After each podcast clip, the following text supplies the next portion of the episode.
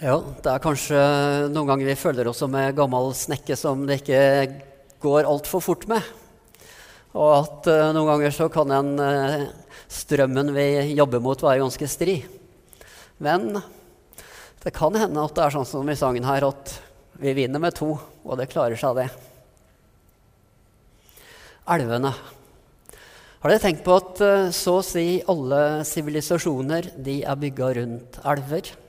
Og sånn er det f.eks. Tenk dere Nilen. Hvordan det der Eh, livet blomstrer oppover Nilen. Ellers er det ganske dødt og trist. Iallfall sånn ser jeg det for meg. Eh, de store byene de befinner seg ved elver, eller kanskje aller helst ved elvemunninger. Eller iallfall ved kysten, der det er eh, vann. Og det fins ett unntak, eller det finnes mange unntak, og det er kanskje de byene som er bygd oppe i fjellene for uh, sikkerhets skyld. Og En av de byene er jo Jerusalem. I Jerusalem så fins det ingen elv. Det fins ikke noe sjø. Det er langt til nærmeste. Uh, det fins et par kilder som vi har hørt om, vi som har hørt bibelhistorier. Siloa og Betesta. Men ikke så mye mer. Og Hvis dere reiser rundt til Israel, landet der Bibelen ble til, så er det heller ikke mye elver å skryte av. Selv Jordanelva den er en liten pert av en elv, må det sies. Seutelva er jo større på mange måter. Og likevel, i Bibelen så er det nettopp elvene som er veldig tydelige symboler på Guds livs velsignelse, Guds livsveier. Hvis vi begynner allerede i starten av Bibelen, i Første Mosebok kapittel 2 så står det om elvene som renner ut fra Eden. Eden var jo hagen som Gud planta for at menneskene skulle leve der og dyrke hagen. Det var et uttrykk for Guds velsignelse, Guds overflod. Men så var det også sånn at uh, menneskene de ville ikke bo der. Men i Eden så står det altså om at en elv går ut fra Eden og vanner hagen. Derfra deler den seg i fire greiner. Den første heter Pishon. Det er den som går rundt hele landet Havila, der det fins gull. Og gull i det landet er godt. Det er den som går rundt hele landet Kush. Det tredje heter Hidekel, og den som går øst for Assur. Og den fjerde elven er Eufrat. Fire elver som egentlig vanner hele den kjente verden, som gjør den fruktbar. Som viser at uh, Gud vil ikke ha et tørt og tomt land. Gud vil uh, liv. Og han skaper en verden for menneskene. Menneskene som skal forvalte denne verden, som skal tjene dette gudslånet. Men det er Guds verden. Det er ikke menneskenes verden. Gud eier den. Menneskene får forvalte den, får låne den. Men så drives altså menneskene ut av eden fordi de vil ikke ha Gud som sin herre. Og veien til eden stenges. Og oppdraget, de, det får de med seg videre ut. Og jeg tror det er en direkte linje fra denne første teksten i Bibelen til dagens tema. At innsatsen mot uh, forurensning av elver, for et renere hav ja, Alt som handler om å bevare den gode jorda som Gud har gitt oss, det som har skjedd i Glasgow de siste dagene, det er en linje fra det som står i Første Mosebok, om at jorden ikke er vår, vi deler den med fugler og fisker og landdyr og blomster og trær. Alt hører Gud til. Gud eier alt. Han er den som øser ut gavene sine, står det i Bibelen. Han er den som gir såkorn, han er den som gir frukt, han er den som gir vind og regn. Han er den som gir sol, sjøer og elver. Gud for jorden. Gud som er nær alle mennesker. Ja, Gud som er nær hvert eneste lite dyr, som en spurv som faller til jorden. Det er bildet av Guds forhold til jorden i Bibelen. Et økologisk bilde. Så når vi snakker om økologi, naturvern, så er det egentlig bare det samme som Bibelen snakker om. Den andre teksten som vi skal se, og nå er vi i Esekiel kapittel 47. Og nå henviste også Martin til Esekiel som kallet, han som mente han var for ung. Men Esekiel var også en profet som levde etter den store katastrofen, etter at Israels Israelslandet var ødelagt. Tempelet var revet ned, Jerusalem var revet ned, Folk er bortført til Babylon, der de satt og gråt ved elvene, som de skriver om i Salmenes bok. Men der får han et syn, og det han ser, er et nytt tempel. Han førte meg tilbake til tempelinngangen, og se, vann strømmet ut under terskelen på østsiden av tempelet. Og Så beskriver han hvordan dette vannet som strømmer ut fra terskelen Først er det bare en bitte liten elv som han kan vasse over, og det rekker han bare til anklene. Så går han lenger og lenger, og det blir større og større og kraftigere og kraftigere. Til slutt så kan han ikke vade over elven lenger. Og når den renner ut i sjøen, blir vannet der friskt. Alle levende vesener som det kryr av overalt hvor denne elven renner, skal få leve.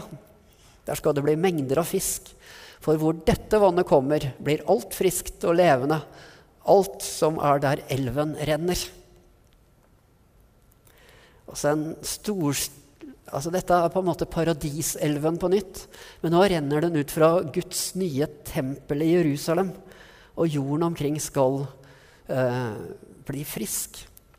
Men om vi kan si at den første teksten i andre Mosebok handler om verden og økologi, så handler denne teksten kanskje om en mer billedlig elv enn åndelig elv.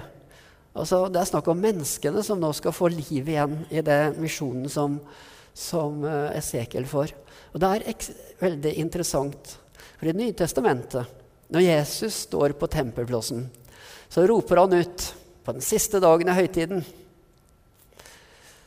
Den som tørster, skal komme til meg og drikke. Den som tror på meg, fra hans indre skal det, som Skriften sier, renne elver av levende vann. Og Her tar Jesus profetien egentlig fra Esekiel og sier at uh, nå skjer det egentlig med hver enkelt som tror på meg. Uh, nå er det ikke tempelet, denne bygningen, som er utgangspunktet, men nå er det hvert menneske som tror på Jesus, er på en måte et lite tempel i verden hvor det renner vann ut. Levende vann. Altså vann som gjør levende rundt seg. Og det er ganske fint, fordi det handler om en teologi der Gud har kommet til vår verden gjennom Jesus, inkarnert seg, blitt kjøtt og blod. Og nå er det ikke lenger tempelet som er stedet for Guds nærvær. Nå er Guds nærvær i hvert eneste menneskes hjerte. Nå er Guds nærvær hos deg og meg. Og det er vi som er denne paradiskilden som nå skal renne ut og gjøre jorden frisk.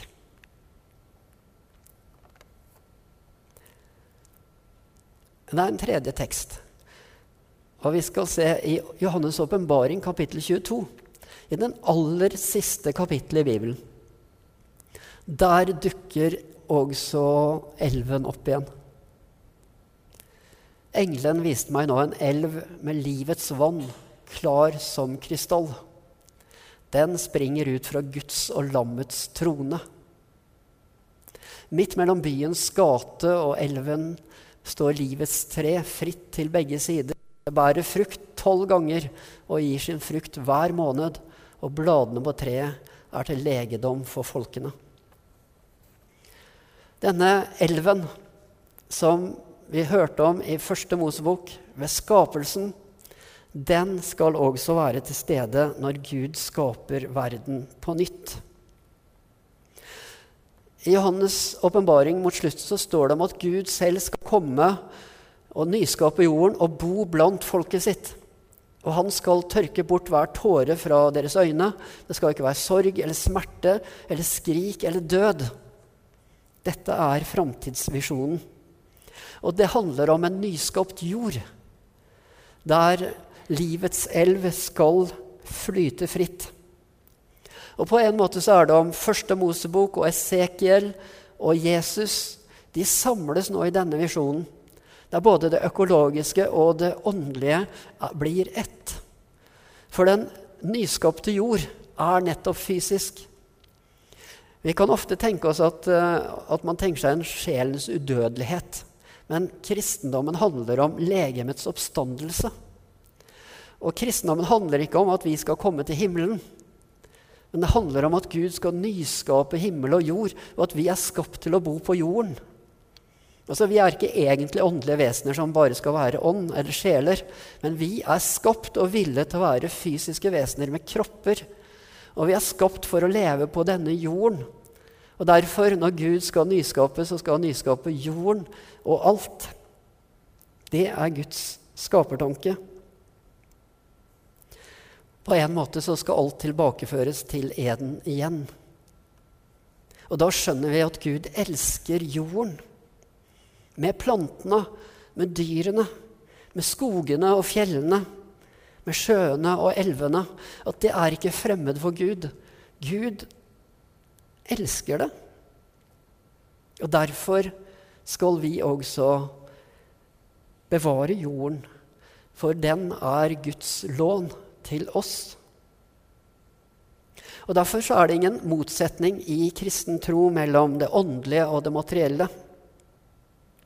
Og Derfor kan vi være opptatt av naturvern, av økologi, i Kirken.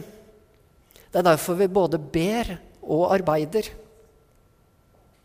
Og Guds velsignelse over alle dem som arbeider for å bevare Hans jord. Og Guds velsignelse over dem som arbeider for å gjøre Hans elver rene. Amen. Du hører nå en tale fra Fredrikstad frikirke.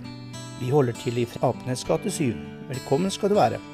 Ønsker du mer informasjon, finner du det på fredrikstadfrikirke.no.